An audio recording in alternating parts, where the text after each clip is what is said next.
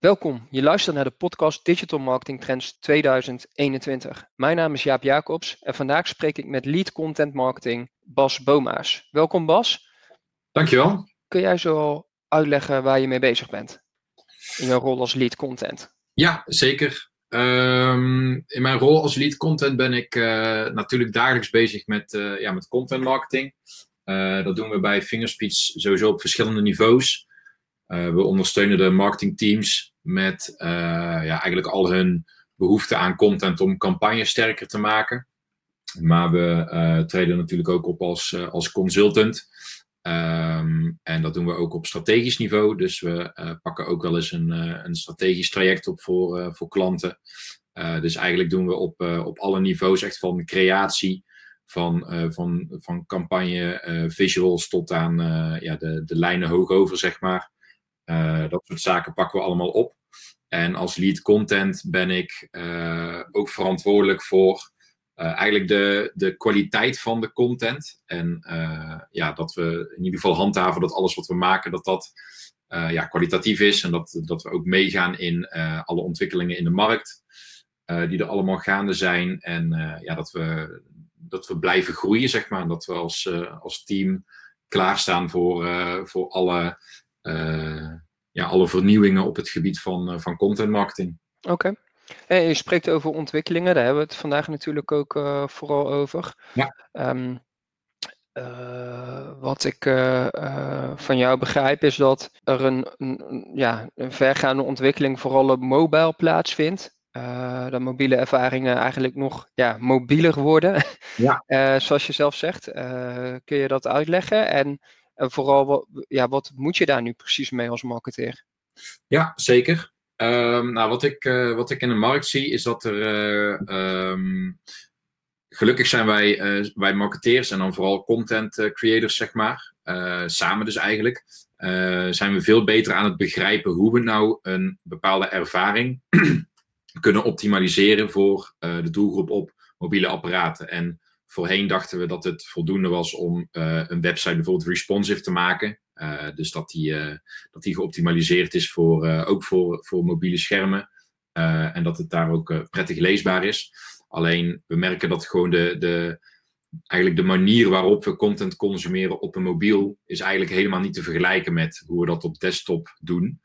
Um, zeker in het, ja, in het tijdperk waarin sociale apps uh, en micro-moments. En dat zijn momenten waarop je je telefoon even snel uit je broekzak pakt om iets op te zoeken. Of uit verveling even uh, door de social media feed scrolt. Of uh, um, ja, misschien wel even wat afleiding zoekt. Die ervaring die is heel anders. En dat komt vooral terug in een stukje visualiteit. Um, ja, en onze aandachtspannen is natuurlijk gewoon veel korter dan uh, wanneer we op desktop zitten. Uh, dus wat je nu ziet is dat, uh, dat doen de grote jongens als Facebook en Google, die spelen daar heel goed op in. Um, is dat je ervaringen krijgt die echt puur en alleen voor mobiele apparaten zijn bedacht.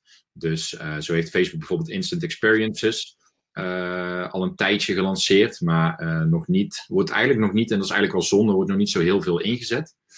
Uh, maar dat zijn eigenlijk gewoon um, mini-websitejes die vooral heel erg visueel zijn.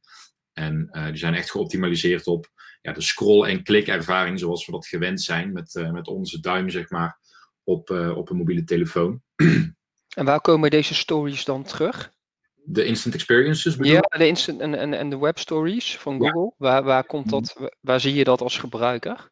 Ja, ik denk dat het het beste werkt in, in campagnevorm wel. Um, en uh, dan voornamelijk om de doelgroep te inspireren en te informeren. Um, je kan er echt een, uh, een, een, heel goed kun je er een verhaal vertellen, zeg maar. Je kan echt een beetje een show maken, echt, echt iets presenteren. Um, dus, uh, dus meestal in de meeste gevallen waarbij wij tot nu toe dit soort toepassingen gebruiken, is het echt bij het lanceren van een, van een nieuw product of het onder de aandacht brengen van een product. Ja. Of het inspireren. Uh, we ja. hebben bijvoorbeeld voor, uh, voor Kenwood hebben we nu dan een, uh, een, een, recept wat we eigenlijk gewoon in een instant experience hebben gemaakt. Dus mensen kunnen gewoon heel simpel via social media dat recept openen en opslaan en zonder dat daar een website bij komt kijken. Dus het is ook heel makkelijk om te maken. Oké. Okay. Ja. En je vertelt mij, uh, um, dat ook wel echt een ontwikkeling uh, gaande is op het gebied van hoe je kijkt naar customer journeys. Um, en dat je dat misschien ook wat meer moet loslaten. Ja. Wat bedoel jij daar uh, precies mee? Um, nou, het is eigenlijk een beetje uh, een paradox, zie ik het. Dat um, de, de, de customer journey wordt natuurlijk veel complexer. Die wordt steeds complexer uh, en die verandert ook heel de tijd. Er komen steeds meer touchpoints bij. We pakken steeds vaker onze telefoon om iets op te zoeken. er zijn meerdere devices die, die we daarvoor gebruiken. um, en het is eigenlijk raar dat we een steeds complexer wordende customer journey proberen te verpakken in een een steeds simpeler wordend model. Um, en ik heb een beetje over dat model na zitten denken. En uh, ook wel wat discussies gehad met, uh, met andere marketeers hierover, ook van buitenaf. Um, en een customer journey is natuurlijk heel waardevol, maar vooral om uh, een beetje de basislaag te leggen. maar je wordt er eigenlijk helemaal geen betere marketeer van. Hm. Omdat je als je op customer te veel aan die customer journey vasthangt, en zeker kijken naar alle KPI's die je daarbij hebt bedacht, wat natuurlijk een hele goede basis is, um, moet je daar niet door worden verblind. Want uh, het risico is dat je als marketeer dan op een gegeven moment ervoor gaat kiezen dat je geen campagnes of um, ja, geen, geen, geen strategie meer implementeert, zeg maar, die niet focust op die KPI's die je daar hebt, hebt bedacht in je customer journey. Hm. Het beste voorbeeld daarvoor is, is exposure. Um, dat is iets, ja, iets wat, wat heel onmeetbaar is, heel vaag en heel abstract voor heel veel mensen. Van ja, wat doet nou exposure? Mensen zien dan je merk, maar ja, wat dan? Um, dus dat is voor heel veel marketeers die heel erg, um, ja, die, die veel met data bezig zijn, is dat iets heel engs. Die vinden dat heel ongrijpbaar en die willen daar eigenlijk niet mee bezig zijn. Terwijl het eigenlijk zo ontzettend belangrijk is om gewoon af en toe een keer gewoon zichtbaar te zijn. Uh, en, en, een goed verhaal te vertellen.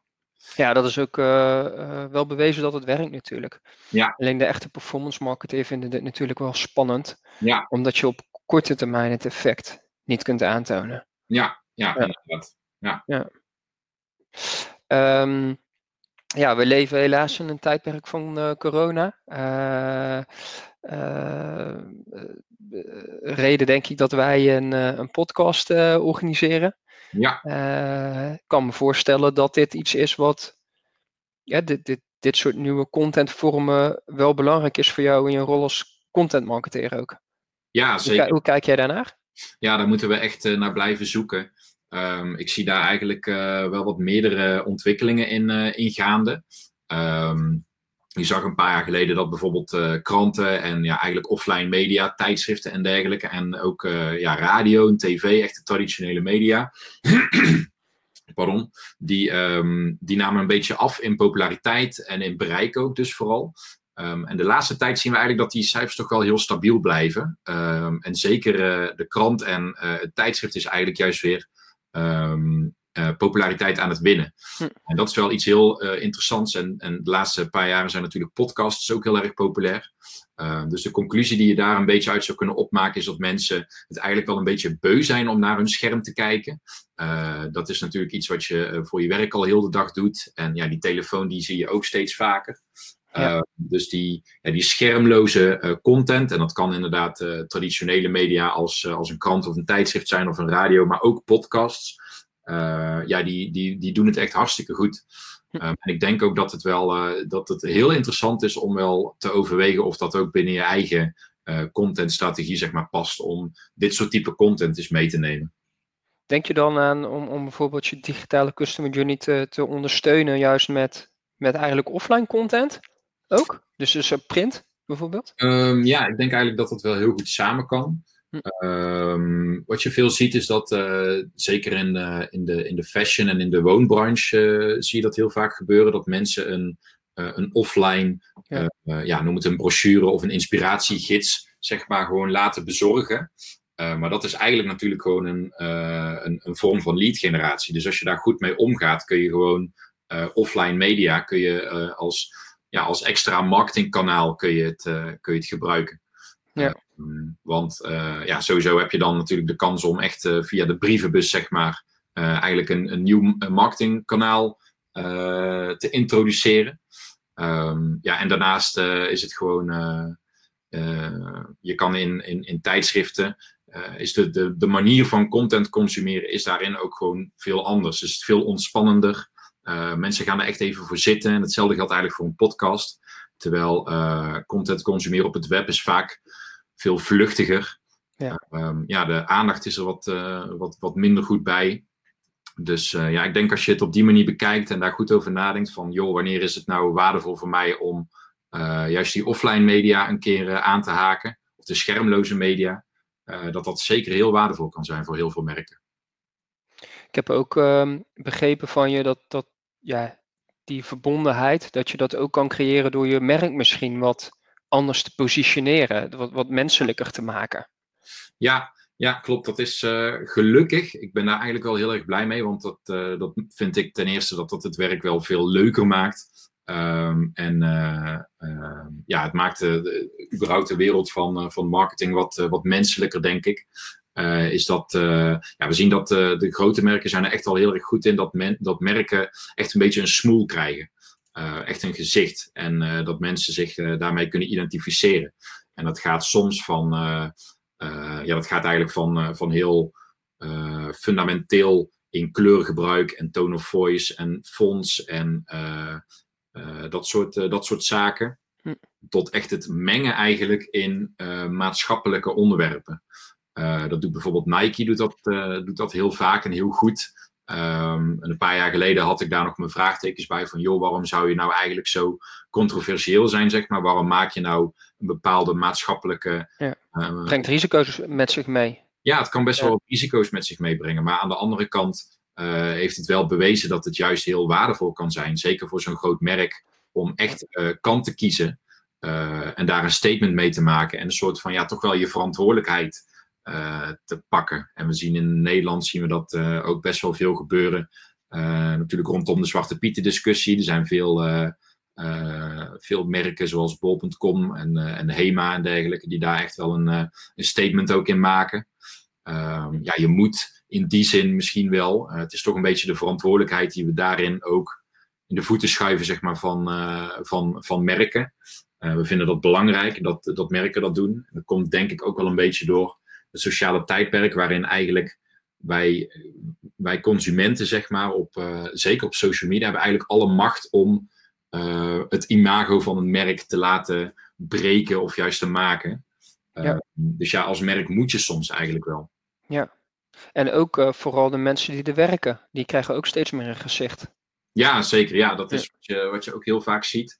Er zijn heel veel heel veel webshops inderdaad, bijvoorbeeld, uh, waarbij je uh, echt ziet wie er achter de klantenservice ziet, bijvoorbeeld. Of als ze een, een vlogserie hebben of een, of een blog hebben geschreven, dan zie je echt een foto en een naam van degene die dat dan heeft gemaakt.